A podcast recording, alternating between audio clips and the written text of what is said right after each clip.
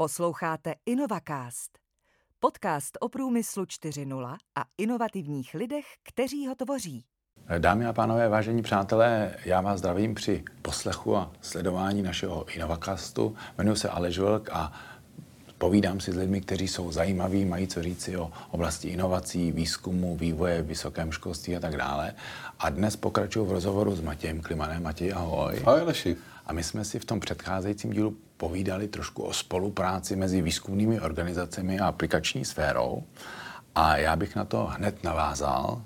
A to znamená, máme nějaké spolupráce, myslím si, že ta spolupráce v Česku je rozvinutá, máme příklady dobré praxe, velice zajímavé věci, ale obecně občas si lidé stěžují, že jsou různé překážky na cestě, kromě těch mentálních, legislativní a že nám chybí zákon o spolupráci a tak dále. Podle tvého názoru, člověka, který se tím zabývá i z hlediska legislativy, jsou nějaké zásadní překážky nebo dá se v Česku spolupracovat, když se chce, všechno jde?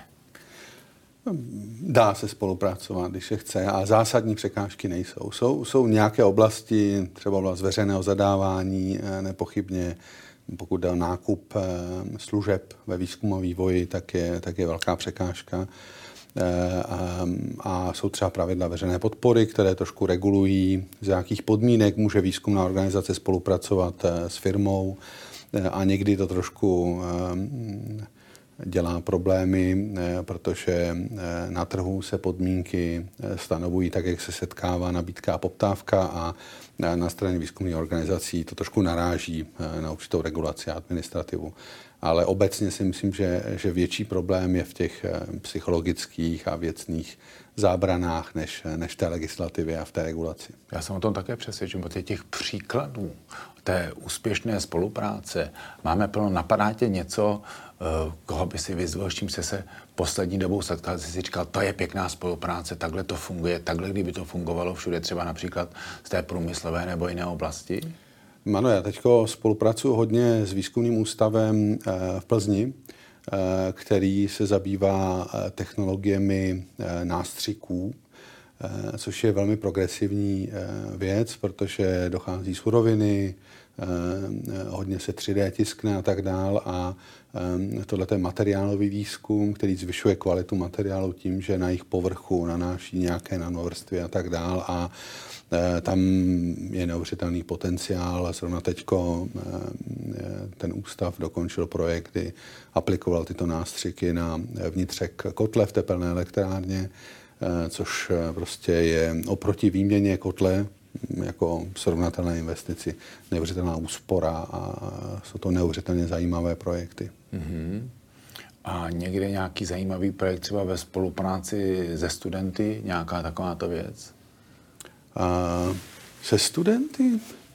Uh, ano, uh, teď spolupracujeme uh, se střední školou a gymnáziem na Praze 5. Je, je, je velmi taková, řekl bych, prominentní škola, která se orientuje na problematiku IT a tam se otevírá Eh, prostor pro spolupráci, zachrání spinov společností mm. a tak dále, protože eh, v oblasti informačních technologií ta věková hranice, kde se objevují nové talenty, eh, není někde mezi 18. a 23. rokem, ale mezi 14. a 17. A tato škola, pokud vím, tak má několik studentů, kteří přednášejí na vysoké škole a ještě, ještě tam pořád studují že v oblasti informačních technologií hmm. jednoznačně. No a potom je, eh, potom je celá řada takových projektů, se kterými já se setkám v momentě, eh, kdy ten člověk už je doktorant nebo, eh, nebo už někde pracuje, ale více-méně se jedná o technologii, kterou ten člověk začal vyvíjet jako, jako student. A to je třeba projekt eh, separace vzácných kovů mm. a jejich recyklace. Tam je velmi nadaný mladý vědec, který se tím letím zabývá a vlastně vyvinul technologii, eh, pro kterou teď už je postavená továrna a začíná se, začíná se separovat vzácný kov způsobem, který, do který jsme si ještě před pěti lety nevěděli vůbec představit. Mm. Takže se něco děje, což je určitě dobře a ano. děje se to v Česku, ano. Což, je, ano. což je určitě fajn. Kdyby za tebou přišel někdo z malé střední firmy eh, a třeba například z oblasti, řekněme, průmyslové, trošku ať to máme vázáno na tu techniku, a řekl, já bych chtěl spolupracovat s nějakými výzkumnými organizacemi nebo vysokými školami, mám to tak přibližně připraveno, budu je začít, začnu je oslovovat. Řekněte mi, pane Klimane, na co si mám dát pozor, potřebuji si udělat takových pár bodíčků do svého sešitu nebo do svého notebooku nebo do svého telefonu dneska eh, na tom, eh, na co nesmím zapomenout při té spolupráci. Co by si poradil? Hmm. Tak obecně pro každou spolupráci platí, že by jsme se měli domluvit na těch podmínkách předem, že by to nemělo jít jako úplně organicky, tak aby se neprodlužovala ta doba, kdy máme každý úplně jinou představu o tom, k čemu to směřuje a tak dál, ale pro tu malou firmu Eh, za prvé je potřeba vědět, že tohle je typ spolupráce, který je masivně podporovaný z veřejných zdrojů. Eh, předenávnem byla vyhlášena výzva Czech Investu technologická inkubace, bude podzimní eh, další kolo.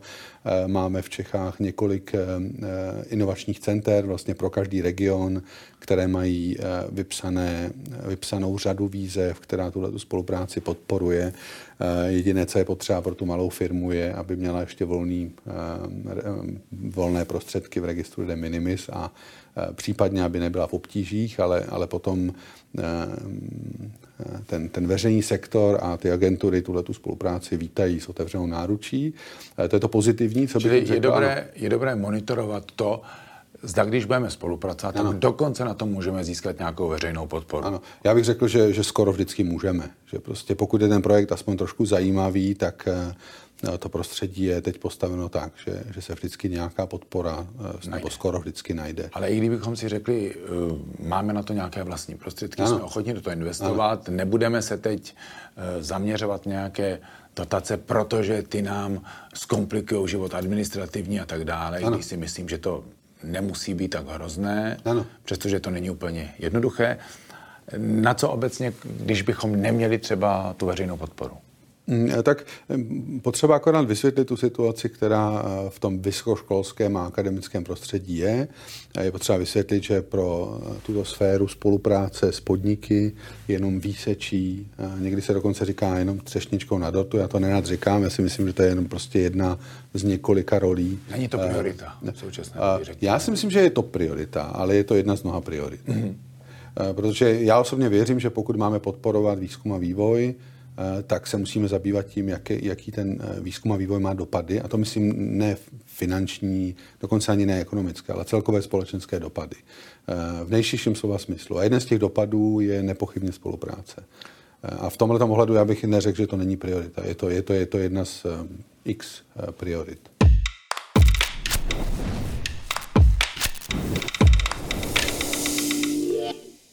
Já se zeptám, eh, mnoho lidí je formalistů, mm. to znamená, řekněme, je zapotřebí mít nějaké memorandum of understanding, nejdřív letter of intent, smluvně to vše podchycené, mm. což je sice hezké, bohužel víme, že v českém prostředí, že v některém prostředí stačí si podat ruku a víme, že všechny eh, závazky budeme plnit. V českém prostředí, přestože to máme na papíře, velice často to nemusí mít znět. Jak seš, jaký je tvůj postoj tady k těm formálním procedurám? No, uh když se na to díváš z pohledu malé firmy, eh, která eh, vejde do styku s univerzitou nebo s ústavem akademie, eh, tak zrovna to Memorandum of Understanding nebo nějaký NDA, dohoda o mlčenlivosti, určitý význam má, protože máš pravdu, že, že jedna věc je, co je na papíře a co se dodržuje, ale to je vlastně jedno z těch upozornění, které té firmě dám, je, že Vysoká škola, Ústav Akademie věd a jiné výzkumné organizace s informacemi pracují jiným způsobem než firma. Firma, když má nějaké informace, nějaké know-how, eh, eh, nějaké duševní vlastnictví a tak dále, tak ho a priori chrání a utajuje, zatímco škola eh, nebo výzkumný ústav je a priori publikuje. Ten, ten vztah jako k naklání s informací je diametrálně jiný. Na škole se bádá víceméně proto, aby se ty výsledky veřejně šířily, ve firmách se bádá proto, aby se, aby se utajili. Takže jedna z věcí je eh, potřeba vysvětlit, že, že v momentě, kdy já jako firma zpřístupním svoje know-how té škole, eh, tak ta škola nebude úplně rozumět eh, těm prioritám, které mám já, a to je to v principu prostě utajit, nedávat vůbec najevo třeba, že se zabývám touhletou problematikou. Ta škola je zvyklá spíš se prezentovat ve vědeckých publikacích. Zase upozorňuji, tohle to není negativní jev Eh, tak to, tak to má být, to je, to je v pořádku, ale je to jiný svět a tím, že tu školu donutíme uzavřít nějaké memorandum of understanding, kde se najednou objeví těch pět odstavečků o ochraně důvěrných informací a tak dál, tak to nějaký smysl má. Já si myslím, že, že, že to nemusí být eh, složité dokumenty, to může být na stránku a tam si jenom říct, dělat projekt, kdo to bude hradit, eh, z čeho, Eh, jak to bude vypadat, eh, utajíme důvěrné informace tyto a tyto. A pokud se projekt podaří, tak se budeme dělit tímto a tímto způsobem. A to je jenom jako ve velmi obecných rysech a to potom pokračuje dál a pak se mm, za měsíc, za dva podepíše nějaká smlouva. Eh, chci se ještě zeptat, hmm. několikrát si to zmínil, pak, když jsme třeba v průmyslové sféře, tak určitě oblast duševního vlastnictví je jedna ze zásadních. Hmm. To ale neznamená, že všechny věci eh, musíme mít patentovány nebo chráněny, protože hmm. občas, než se k tomu dostaneme, tak nám svět daleko víc uteče, třeba v informačních technologiích. Mm. Tam ta patentová ochrana je velmi, velmi komplikovaná, mm. třeba se často vůbec nepoužívá. Co je podle tvého názoru naprosto zásadní právě z hlediska ochrany duševního vlastnictví? Co by si měli na začátku, kromě těch věcí, co jsi říkal, ty partneři vyjasnit? Mm. Eh, kromě utajení, myslíš, Pro, jo? Ano, Protože když se bavíme utajení, o průmyslu, tak já myslím, že je pravda to, co říkáš ty, že jsou obrovské uh, sektory průmyslu, kde se nepatentuje, kde se, kde se utajuje. utajuje. Jo, je to jednak oblast informačních technologií, nepochybně, a je to i celá řada oblastí strojenského průmyslu, kde firmy na patenty hledí trošku jako na encyklopedii, kde si konkurence může přečíst, jak to děláme a e, ty věci se utajují. Takže to je, e, to je alfa omega a skutečně někdy to ve spolupráci mezi zejména nadnárodními firmami a univerzitami vypadá až komicky, protože firma předává data univerzitě, předává je na pěti počítačích, které se přivezou, zamknou se v nějaké místnosti, nemají internet, nejsou napojeny eh, na systém, eh, běží na bázi Windows 97 a prostě akorát tam eh, v těch počítačích jsou zpřístupněna ta, ta firmní data. Mm.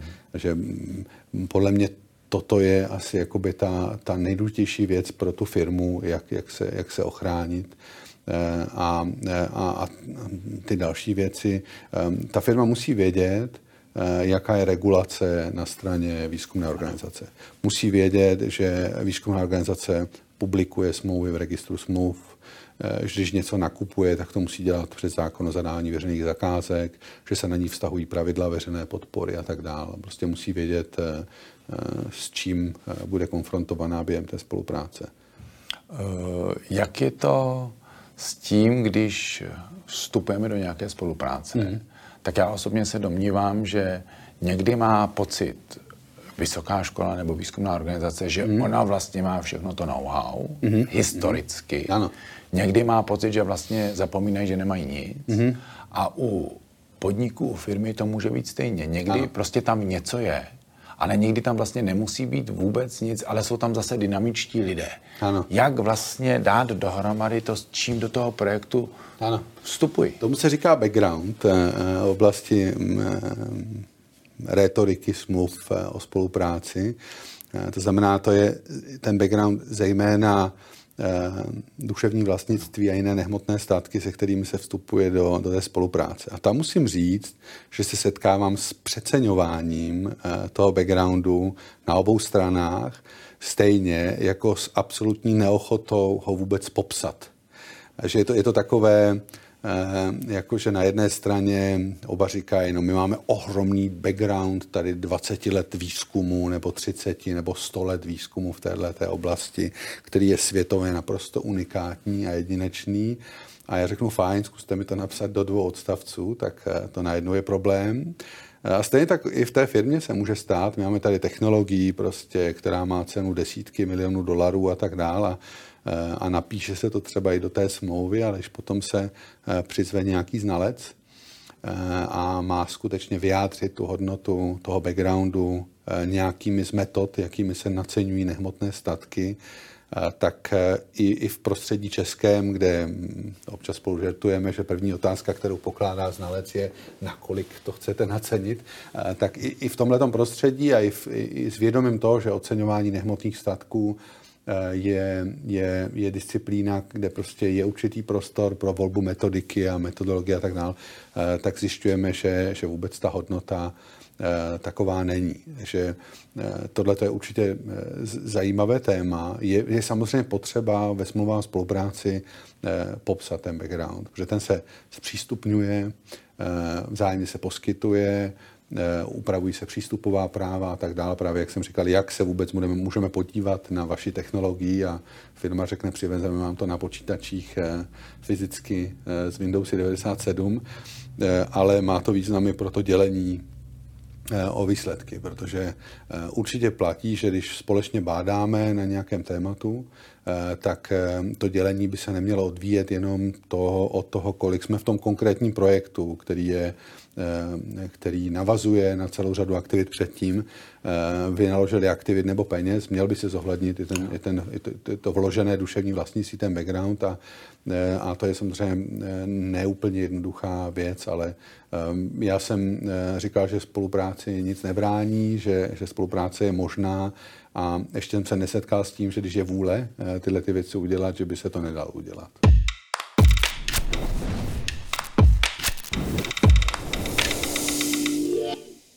Ale máme i případy, kdy ta vůle eh, nebyla třeba například a myslím si, že některé problémy vznikaly především, když se začal projekt, nebylo úplně vyjasněno, ano. co kdyby se to povedlo. Když ano. se to nepovede, je to poměrně jasné. Ano. Ta nula se eh, rozdělí, řekněme, poměrně dobře, poměrně dobře ale když z toho potom něco vznikne a najednou podnik opravdu e, na tom začne vydělávat, má nějaké zajímavé výsledky, a potom instituce, která se na tom podílá, najednou cítí, že ona z toho nedostává nic, tak samozřejmě se cítí určitým způsobem křivděná.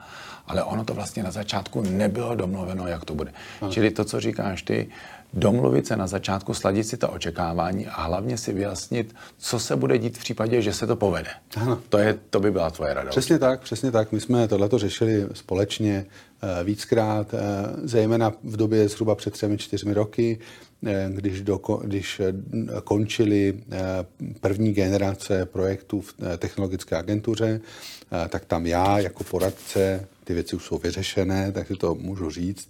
Já jsem se setkal eh, možná s desítkami případů eh, toho, o čem mluvíš, eh, že firmy a výzkumné organizace společně šly do projektu s určitou vervou a, nadšením a tak dál, ale vlastně se akorát prohluboval Eh, ten rozpor mezi tím očekáváním na jedné straně a na druhé.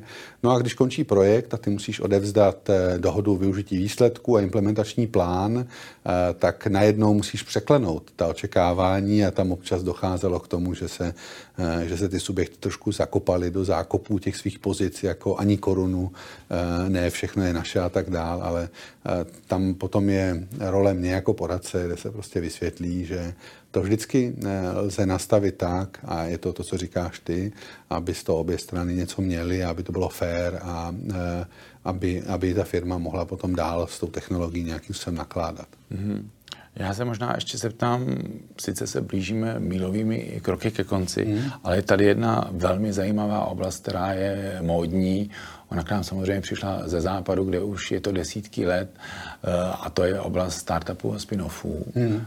Velice zajímavě se eh, hovoří v poslední době o takzvaných akademických spin-offů. To znamená, že akademický pracovník si zakládá nějakou firmu. Jenom velice v krátkosti dá se dneska založit akademický takzvaný spin-off, třeba ve spolupráci třeba s nějakou malou firmou a tak dále, nebo s někým, kdo je z toho biznisu. Ano, ty říkáš akademický spin-off, někdo tomu říká nepravý spin-off, já ten výraz nemám rád, protože není nic nepravého na tom, když si založí společnost eh, vědec, který eh, vytvořil nějaký vynález a potom se s výzkumnou organizací dohodne, že ta firma koupí tu technologii za běžných tržních podmínek. Eh, tohle je nejčastější případ, jak vznikají v Čechách eh, spin-off společnosti nebo, nebo akademické startupy, můžeme tomu říkat hmm. jakkoliv. A to z toho důvodu, že přece jenom pro univerzitu, ale i pro, vý, pro výzkumný ústav je trošku problém založit právní subjekt, účastnit se na něm a tak dále. Takže máme víc akademických subjektů než těch, na kterých, akademických spin-offů než těch, na kterých by se podíleli výzkumné organizace nějakými podíly a tam není žádná překážka. Obecný princip je, že se k akademickému spin-offu chováme podobně jako k jakékoliv jiné firmě, s výjimkou toho, že někdy se můžeme rozhodnout, že v, nějakém režimu třeba podpoříme ten akademický spin-off, stejně jako podporujeme ale v technologických inkubátorech malé a střední podniky. Takže ten, ten, ten, ten způsob, jak se k němu chováme, je stejný. Ten jediný, jediný problém, který se v Čechách trošku řeší, je problematika střetu zájmů, eh, protože i u těch akademických spin-offů je poměrně častá situace, která není všude ve světě běžná, někde se to dělá eh, tak, někde se to dělá přísněji, eh, je, že ten vědec po tom, co si založí tu firmu, tak nadále zůstává na té výzkumné organizaci. To má samozřejmě celou řadu jako úskalí, které se týkají vynaložené energie a úvazku a takovýchhle věcí, ale to, co je tam nejzajímavější, je právě jakýsi střed zájmu té, eh, toho, toho akademika, který zároveň bádá, a je zaměstnancem, vlastně. je zaměstnancem ve výzkumné organizaci a zároveň je majitelem, jednatelem, zaměstnancem nějakého startupu nebo spin-offu. A e, ta věc je zajímavá, protože u nás v Čechách máme zákon o střetu zájmů, ale ten upravuje akorát střet zájmů tzv. veřejných funkcionářů a to jsou v té akademické sféře jenom ty nejvyšší sféry, rektor, kvestor, e, děkan nebo ředitel ústavu a, a není vůbec upraven střed zájmů, nebo skoro není upraven střed zájmů zaměstnance. Tam dokonce existuje výjimka v zákonníku práce u výkonu identické výdělečné činnosti, Eh, že když to je pro vědu a výzkum, tak eh, nepotřebuješ jako zaměstnanec souhlas, takže eh, tam to prostředí je poměrně volné. Nicméně všichni cítí, že to je určité úskalí, že to je, že to je politické riziko, že to je morální riziko a že je to potřeba nějakým způsobem řešit a to je to, čím já se teď zabývám skoro každý den, protože těch spin-offů skutečně vzniká hodně a vždy je potřeba to nějakým způsobem podchytit a moje, moje teorie, kterou, kterou prosazuji, je, že důležitý je ten proces. Mm-hmm. Mít proces, tak jak už teď na celé řadě výzkumných organizací existuje proces, který řeší etické otázky obecně, eh, třeba vlastně medicínského výzkumu, ale i v celé řadě jiných oblastí, eh, tak mít proces, který řeší střed zájmu. A eh, myslím si, že je lepší říct, ano, tady ta osoba je ve střetu zájmu, protože působí tam a tam, a pojďme se zabývat tím, co to může způsobit, jaká jsou rizika na straně jedné a na druhé straně, Eh, co můžeme udělat pro minimalizaci těch rizik. Což je i eh, v souladu s nějakými obecnými doporučeními, které člověk nachází třeba ve vzorových smlouvách pro evropské projekty nebo, nebo v některých evropských dokumentech. A to už je skoro na nový podcast, protože jsme vyčerpali, řekl bych, přečerpali dnešní limit dnešního podcastu. Matěj, já tě moc krát děkuji. Omlouvám se, že jsem tě zdržel o více než dvě minuty déle ve studiu. A já děkuji divákům, doufám, že to s námi vydrželi a posluchačům. A ještě jednou děkuji Matějovi a loučím se s vámi a někdy se těším na shledanou. Díky Aleši a na shledanou při podcastu o spinofech. Jestli řekneš přijít, tak já přijdu. Určitě.